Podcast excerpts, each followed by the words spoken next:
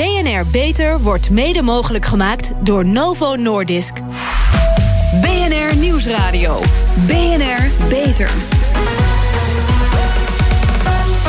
Harmke Pijpers. Zo'n 20% van de beroepsbevolking heeft een chronische aandoening. En dit aandeel neemt de komende jaren fors toe. In 2030, zo is de verwachting, heeft één op de vier werknemers een chronische ziekte zoals MS, kanker, diabetes, reuma of hart- en vaatziekten. Wat betekent dat voor onze maatschappij? Zijn al die mensen definitief uitgeschakeld of zijn er mogelijkheden? Welkom bij BNR Beter, het programma voor mensen die werken aan gezondheid. Mijn gasten vandaag, Paul Baart, directeur van het Centrum Werk en Gezondheid, Werkgezondheid, en voorzitter van het platform Fit for Work, en Vincent de Groot, hoogleraar en afdelingshoofd revalidatiegeneeskunde van het VUMC. Ja, multiple sclerose, MS, is een chronische ziekte met een wisselend beloop, die zich bij iedere patiënt anders uit, moeilijk te volgen voor de dokter, de patiënt en voor de werkgever. Vincent de Groot, MS is bij iedere patiënt weer anders. Wat maakt MS zo onvoorspelbaar?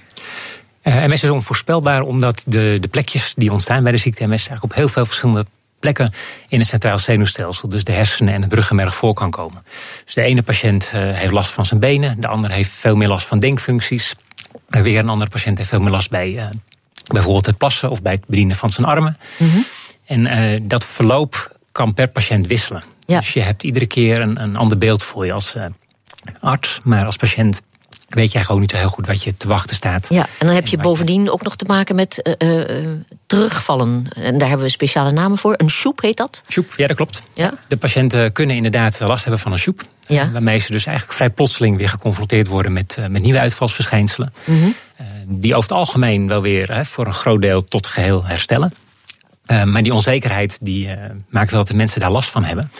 En ja, dat ze dus toch wel gehinderd worden door die onzekerheid. Ja, Werkgevers denken vaak dat MS-patiënten niet meer kunnen werken, maar MS-patiënten denken dat zelf vaak ook nog. En dat leidt soms tot verkeerde beslissingen, meneer Baart.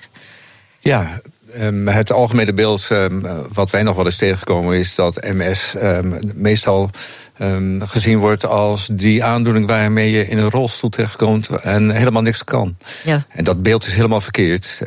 dat, beeld is inderdaad juist voor een aantal mensen. Mm -hmm. Maar voor de meeste mensen die MS hebben, is dat niet zo. Um, meestal hebben mensen um, een uh, langzaam verloop. Het kan heel erg verschillen. Um, maar de, de, meeste mensen, en dat zullen we straks in de reportage ook nog wel horen, de meeste mensen kunnen nog een heleboel. Ja. Meneer de Groot, maar dat is ook waar u mee te maken heeft, dat mensen ook een, een, een verkeerd beeld van die ziekte hebben? Ja, dat klopt. De verschijnselen die ik net noemde, die kunnen allemaal voorkomen. Mm -hmm. En heel veel mensen denken ook dat het hun zal, uh, zal gebeuren. Uh, maar dat hoeft inderdaad niet. Uh, zeker eh, met de nieuwe, de nieuwe middelen die er zijn, is de ziekteactiviteit eh, steeds beter te onderdrukken. Waardoor met name de soeps eigenlijk minder vaak voorkomen. Ja, die terugvallen. En, die terugvallen, ja. En ook het, het verloop is eigenlijk toch milder dan menigeen denkt. En dus mm -hmm. er kan wel veel voorkomen, maar het gaat vaak veel langzamer dan wat mensen denken.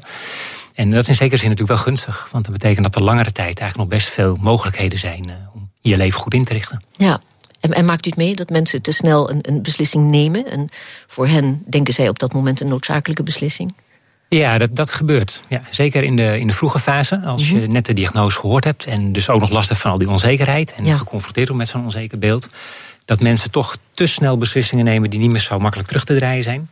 En uh, ja, dat, dat is toch jammer. Uh, want vaak moet je toch proberen die eerste periode, en dat kan jaren duren door te komen. Want er zijn er eigenlijk helemaal niet zoveel verschijnselen. En ja. Uh, ja, als je dan weer een beetje gewend bent aan het feit dat je zo'n vreselijke ziekte hebt, uh, blijkt, en blijkt dat er toch nog steeds veel kan. Dan heb je misschien nog geen keuzes gemaakt die irreversibel zijn. Nee, maar, maar het is inderdaad die onvoorspelbaarheid. Is ook als je de, op de site kijkt, de voorlichting aan patiënten, dan staat er voortdurend: het zou kunnen dat. Of u moet rekening houden met de mogelijkheid dat. het kan. Het is, het is werkelijk je weet absoluut niet waar je aan toe bent. Nee, en dat, dat maakt het ook zo lastig, want het kan inderdaad allemaal. Maar ik denk wel dat er een taak is weggelegd voor de, de dokters om dat beeld te nuanceren. Dat die dingen allemaal wel kunnen, maar dat ze veel minder vaak en veel minder snel voorkomen dan wat de patiënt denkt. Ja. Voormalig docent Paula Smit is een MS-patiënte die na haar diagnose is blijven werken. Ze zet zich in om meer bekendheid te geven aan wat de ziekte inhoudt. Mijn geluk was dat ik naast lesgeven altijd heel veel andere dingen deed. Leerlingenbegeleiding en onderwijsontwikkelingen. En dat werd mijn baan. Dus mijn werkgever heeft heel erg meegedacht in, in wat er wel mogelijk was. Daar ben ik nog steeds heel erg dankbaar voor trouwens. En uiteindelijk ben ik nu zover dat ik twee keer zes uur per week werk in een afgesloten ruimte. je stuit wel op onbegrip bij collega's, omdat aan de buitenkant niks te zien is. En dat, dat maakt het lastig. Dat vond ik een van de moeilijkste dingen. Wat bijvoorbeeld uh, gebeurde was dat mensen je nog zien in je oude rol. Dus die vroegen bijvoorbeeld van nou, aan het einde van het jaar is weer Walibi. Ga je dan mee? Je hoeft helemaal niks te doen. Alleen lekker in een bus zitten. We komen daar in Walibi. Dan kan je lekker zitten in dat park. En uh, dat red jij toch wel? En dan moet je dus gaan uitleggen aan collega's dat dat dus niet gaat. Dat is echt heel lastig, want mensen zien niks aan je. Dus die zien dat gewoon als, oh gezellig, je hoeft niks te doen. Maar juist al die prikkels, dat red je gewoon niet. Ik werkte dan wat, wat minder en dan was het van... Uh, oh, is toch ook wel lekker dat je gewoon... Uh, hoef je vanmiddag rust je lekker uit en dan heb je morgen lekker vrij. Maar zo werkt het niet, want de dag dat je vrij bent... heb je gewoon echt nodig om uit te rusten... en om ervoor te zorgen dat je die dag daarna weer kan werken. Maar mensen zien dat niet op die manier.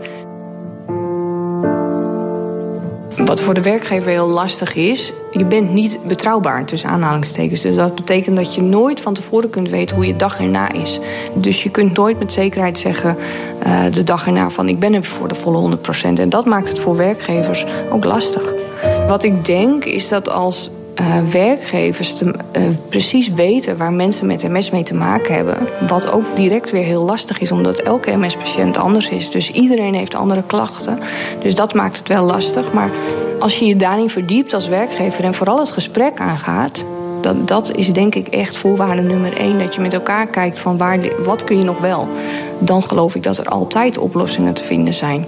Alleen je moet, je moet wel mee willen en kunnen denken. Mijn missie is dat ik hiermee andere mensen die net in de, aan het begin staan van de ziekte, dat ik die daarmee kan helpen. Dat heeft mijzelf ook heel erg geholpen. Gewoon het begrip van iemand die het heeft meegemaakt. Dus die niet tegen je zegt, ah joh, komt wel goed. Want het is gewoon, je moet gewoon je leven veranderen. U hoorde MS-patiënte Paula Smit in een bijdrage van BNR's Jigal Grant. Ja, meneer Baart, we hoorden een zo te horen enorm gemotiveerde MS-patiënten. Ze werkt twee dagen in de week, zes uur per dag. Is er nog een uitzondering of doen inmiddels veel meer MS-patiënten dat?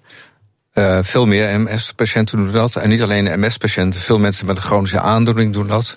Die hebben uh, extra veel energie nodig om te kunnen blijven uh, werken. En die kunnen dat ook opbrengen.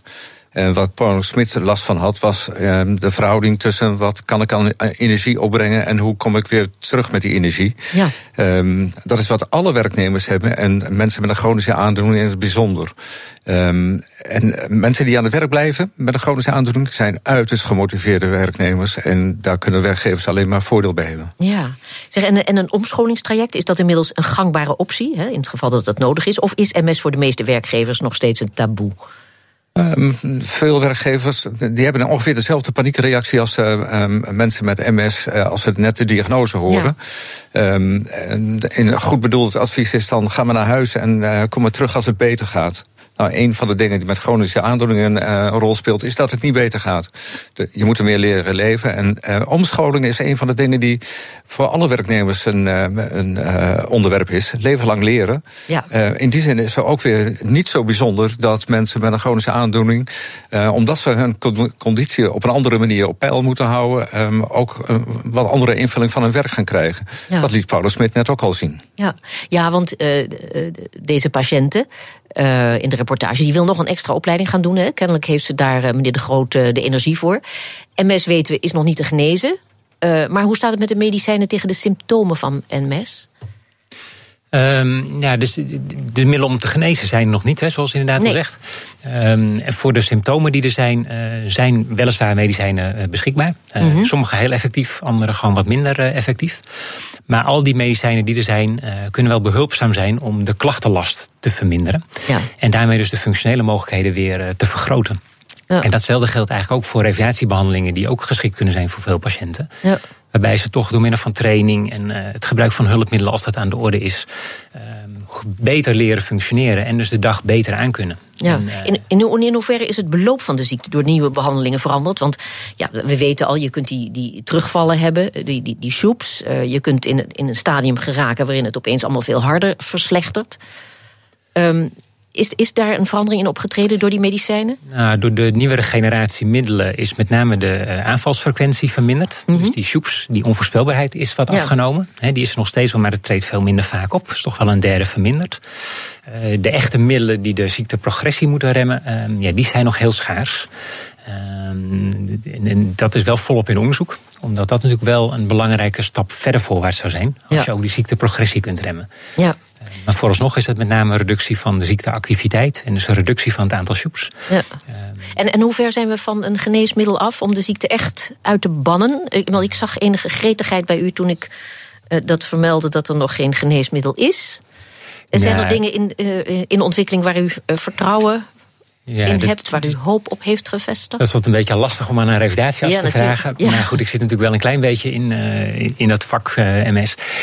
Ik denk dat het echte geneesmiddel eh, nog niet binnen handbereik is. Ik denk dat we een vloot moet hebben van de middelen die de progressie kunnen remmen. Ja, en meneer Baart, eh, bespeur bij u enig optimisme? Of helemaal nou, wat, wat, ik belangrijk vind is om. Uh, het is heel goed om over MS en over genezing te praten. Mhm. Voor werkgevers en werknemers um, is wat anders van belang. Dus namelijk, wat kun je wel? Ja. Dat is bij alle werknemers van belang. En zeker met mensen met een chronische aandoening. Daarom uh, praten wij ook liever niet in dit verband over patiënten. Mm Patiënt ben je als je bij de dokter bent. Je bent een medewerker als je als medewerker met je werkgever praat. Ja. Dat is een werknemer met een aandoening. Mm En dan, we hadden het net over bijscholing. Maar je kunt het ook hebben over de taken die je goed kent en kunt. En je kunt het over je talenten hebben. Nee, u heeft absoluut gelijk. En maar als er een middel in aantocht was, dan zou u het toch zeker vertellen. Oh, zeker, zeker. En ik, zou de, ik zou de hemel prijzen wat dat betreft. ja ja.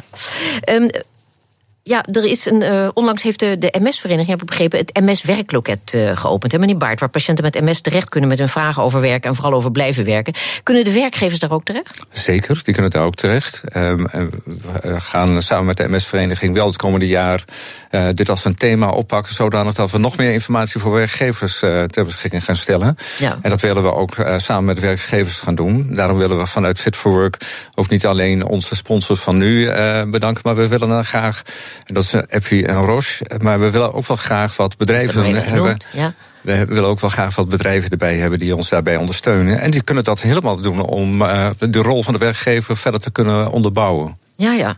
En, en meneer De Groot, uh, dat MS-werkloket, is daar ook een rol weggelegd voor de revalidatieartsen? Ja, dat denk ik wel. Het, het, loket zoals het nu is ingericht, is erop gericht zeg maar, om de patiënt met MS eh, beter in staat te stellen te communiceren met zijn mhm. werkgever. Uh, dat is heel veel waard, dat is heel nuttig. Want ik denk dat veel patiënten dat gesprek ook met deze tips en trucs die daar staan zelf aan kunnen. Um, maar daarnaast kan het ook best behulpzaam zijn om toch te zorgen dat die bedrijfsarts uh, met de revalidatiearts bijvoorbeeld of met een neuroloog in contact treedt. Omdat je dan toch een iets specifieker uh, beeld kunt schetsen van het verloop. De maatschappij kan het zich niet meer permitteren om mensen met een chronische aandoening thuis te laten zitten. Dat zo. BNR Nieuwsradio. BNR Beter. Er zijn nog te veel mensen met een chronische aandoening die hun baan kwijtraken. En er zijn nog te veel misverstanden over de beperkingen en de kansen van deze steeds groter wordende groep werknemers. Daarover praat ik verder met Paul Baart, directeur van het Centrum Werkgezondheid en voorzitter van het platform Fit for Work. En met Vincent de Groot, hoogleraar en afdelingshoofd revalidatiegeneeskunde van het VUMC. Ja, de Arbo-Unie publiceerde een artikel met de alarmerende kop: Bedrijven niet voorbereid op verwachte toename chronisch zieke medewerkers. Want ruim driekwart van de onderzocht de bedrijven schiet tekort bij het begeleiden van chronisch zieke mensen. En bijna de helft van de bedrijven zegt geen maatregelen te nemen om uitval van chronisch zieke collega's te voorkomen. Een zorgwekkende situatie volgens de Arbo-Unie. Ja, meneer Baart, dat zijn uh, onderzoeksresultaten van twee jaar geleden. Hoe staat het daar nu mee? Is er het een en ander uh, veranderd op de werkvloer? Als ik naar het programma van BNR uh, eh, luister, is er niet zoveel veranderd. um, oh, vertel. Dus, nee, ik denk dat er niet veel veranderd is. Er is in ieder geval nog veel te doen. Um, de, de, diverse disciplines, bedrijfsarts um, en ook in ziekenhuizen, um, is er veel meer aandacht voor aan het werk blijven. Dus in die zin eh, wordt er wel een groter beroep gedaan op mensen die in het ziekenhuis komen. maar of werkgevers er nu dat allemaal al ingericht hebben. Op de conferentie die we laatst hadden van Alles is Gezondheid bleek ook wel dat met recruiting en HRM, dat daar nog niet alles geregeld is. Dus we, we kunnen nog een hoop doen. Ja, En we moeten een hoop doen, want Zeker. er komen dus steeds meer van die patiënten aan. Meneer de Grote, Werknemers met beperking. Ja, precies. Eh, Ja, patiënten mag ik niet zeggen. Oh, ja, nee, vind- zijn ja. werknemers met, met een aandoening. Goed. Meneer de Groot, de medische zorg voor MS-patiënten. mensen met, met mensen met MS heeft het afgelopen jaar een enorme vlucht genomen. Niet alleen is de medicatie verbeterd. VUMC onderzoekt ook wat MS-patiënten zelf kunnen doen. Dan heb je toch weer patiënten. Om bijvoorbeeld langer te kunnen blijven lopen. Die onderzoeken doet u eh, op een virtual reality lab. Vertel, wat mag ik me daarbij voorstellen? Ja, wat je erbij kunt voorstellen is dat de mensen eigenlijk over een lopende band eh, lopen. Mhm. Ehm, met daaromheen een, eh, een mooi groot scherm waarop een, een virtuele omgeving geprojecteerd is. En eh, die loopband die, eh, kunnen ze natuurlijk op eigen snelheid eh, laten lopen. Maar daar kunnen we ook bijvoorbeeld een hogere loopsnelheid op leggen. Eh, balansverstoringen op uitlokken. Ja. En eh, eigenlijk kun je die. Balansverstoring op uitlokken. Ja, door ze bijvoorbeeld eh, fictief ehm, ja, te laten struikelen, bijvoorbeeld. Hè, waarbij je natuurlijk wel moet voorstellen dat ze veilig eh, in een harnas hangen, dus dat er niks kan gebeuren. Oh ja. Maar, Maar op wat die manier. laat je nou fictief iemand struikelen? Een, een kuil in beeld brengen waarop ze reageren? Nee, bijvoorbeeld je automatisme? projecteren Ja, ja, waar ze op moeten reageren. Of je Ja. kunt de band tijdelijk even wat langzamer laten Ja, want lopen. anders snap ik het niet, hoor. Ja. En eh, nou goed, dat zijn allemaal dingen die nog wel in onderzoek zijn. Maar dat is wel de weg voorwaarts om te kijken of eh, dat loopprobleem dat ook veel mensen met MS hebben, toch beter kunnen behandelen. En dat je de revalidatietrainingsprogramma's beter kunt maken op Ja. basis van de informatie die je van zo'n onderzoek eh, krijgt. Kun je daar nou ook werksituaties mee simuleren? Eh, nou ja, dit hangt er een beetje van hoe creatief je bent, denk ik. Eh, als het een, een werksituatie is waar lopen bijvoorbeeld eh, aan de orde is. En waar draaien en keren en, en afleidingen visueel eh, van belang zijn. Ja. Dan zou je dat kunnen simuleren als je dat, dat netjes programmeert. Ja. Zeg, en, hoe, hoe zijn de contacten met bedrijfsartsen of uh, arbodiensten van patiënten die u behandelt? Zijn er inmiddels, net zoals bij kanker, bedrijfsartsen die zich gaan specialiseren hierin? Ja, ik weet niet zozeer of er bedrijfsartsen zijn die zich in MS eh, of andere aandoeningen gespecialiseerd. Ik zie Ja, mijn meneer buurman Baart. knikken dat het Ja. zeker zo is. Ja. Ja, er, er zijn er een aantal. eh, Veel te weinig. Ehm, net zoals er met kanker maar nog maar een aantal zijn. Ehm, eh, maar we, we hebben eh, ook in het platform Fit for Work ehm, zijn wij in contact met bedrijfsartsen die dit zeker doen. Ja. Oké. Zeg, en meneer Baart, de MS-vereniging biedt patiënten ook ondersteuning eh, als patiënten die ontslagen zijn of ontslag hebben genomen een eigen onderneming willen starten. Ja, dat is misschien een goed initiatief voor mensen die eh, tot de conclusie komen dat ze te snel ontslag hebben genomen. Maar voor velen is het toch een noodoplossing, heb, heb ik begrepen. Ja, onderschatten van de mogelijkheden van de mensen met MS, daar moeten we vanaf. Maar overschatten is ook niet de bedoeling, hè? Nee, heeft Want u het, helemaal het beginnen van een bedrijf, dat Ja. is niet niks. Het beginnen van een bedrijf is niet niks. En het is ook niet altijd de eigen keuze van mensen om geen baan meer te hebben. Soms worden daar eh, heftig in gestimuleerd door Mhm. een werkgever. Ehm, Maar kent u hoopgevende voorbeelden van mensen ja, die... die zijn er wel. Die zijn er wel. Ehm, en, en een belangrijk eh, deel eh, daarvan ehm, die ik tegenkom in mijn praktijk zijn de eh, professionele coaches die zich ook bezighouden met, eh, met de ziekte MS. Ja. Die ook de- door de vereniging eh, bemiddeld worden. Die hebben er hun werk van gemaakt. Dat zijn mensen die eh, werk hebben gemaakt eh, Ja, dat als, privé, eh, als privépersoon. Dus die, Ja. die doen dat. Ehm, maar ehm, ook in de, op de website, daar staan wel eh, richtlijnen of tips op. Maar het belangrijkste tip is. hou- Houd toch goed in de gaten dat je niet alles alleen kunt. Eh, wat kun je wel, welke belasting kun je aan? Ja. Eh, wat, wat doe je zelf en wat, waar huur je anderen voor in? Ehm, en wat, wat moet je zeggen als je het even niet kunt? En is dat belangrijk voor jouw klanten? Ja, zeker. En- En doe je werkzaamheden waar dat ook in kan. Ja. Dus het is niet zo eenvoudig. Nee. Het is een extra punt erbij als je toch al voor jezelf wil beginnen. Ja. U bent ook eh, initiatiefnemer en directeur van het International Institute for Health Management and Quality. Dat is een organisatie die internationaal gezondheidsmanagement stimuleert, maar ook nationale netwerken organiseert. Ja, bij nationale netwerken denk ik zou er voor MS-patiënten, mensen met MS moet ik zeggen, dames en heren, zoiets moeten komen als het inmiddels overbekende Parkinson-net, waar eh, mensen met Parkinson, artsen en allerlei hulpverleners elkaar kunnen vinden. Ja, dat kan. En dat is eigenlijk ook de bedoeling van Fit for Work, het platform. Eh, d- daar zijn we daar ook mee bezig. En IMQ houdt zich met name ook bezig met het certificeren van gezondheidsbeleid voor alle medewerkers. En dat betekent dat we bijvoorbeeld een eh, organisatie als Zilveren Kruis of IRC Merwede hebben gecertificeerd voor hun werkzaamheden. En dan kijken we ook wel naar eh, mensen met ehm, chronische aandoeningen, hoe die aan het werk kunnen blijven. Maar dat gaat voor de hele populatie werknemers. Ja, en, en in dat ligt meneer De Groot. Hè, de rol van de revalidatiegeneeskunde is voor de chronische patiënten van grote nadruk. Mensen met een chronische aandoening. We hebben het hier vooral over MS gehad. Maar ziet u die verschuiving in grotere zin, zoals bij andere aandoeningen, zoals diabetes of kankerpatiënten? Ehm, Nee, hè, nog niet. Nee, nog niet. Ja, ja, het, nou, kankerpatiënten die, ik, ik, weet van, tussen de chemotherapie door krachttraining doen bijvoorbeeld. Ja, nou, dat, dat soort uh, incidieven zijn er zeker. Ja, dat, maar spierverlies bij diabetespatiënten, nou, het is volgens mij nog helemaal niet in de aandacht. Nou, er, er, komt wel wat meer aandacht voor. Uh, om ook mensen tussen medische behandelingen door gewoon fit te houden. Ja. En uh, daarmee dus in de hoop dat ze ook beter door hun behandelingen heen komen. En dus ook langer kunnen blijven werken. Meneer Baart, wat gaat het de maatschappij in cijfers opleveren als we mensen met een chronische ziekte in staat stellen om langer te blijven werken?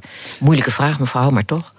Ja, en um, ik ben geen econoom. Nee. Maar als het om een kwart van de medewerkers gaat. en je gaat het uitrekenen: uh, 50.000 euro uh, voor een medewerker per jaar. tel je uit je winst. En alle mensen die blijven werken betalen belasting. En mensen die niet meer werken, die kosten uh, de samenleving geld. Ja. Dus dat, uh, een kwart van de Nederlandse bevolking, werkende bevolking. dat gaat om een hele hoop geld.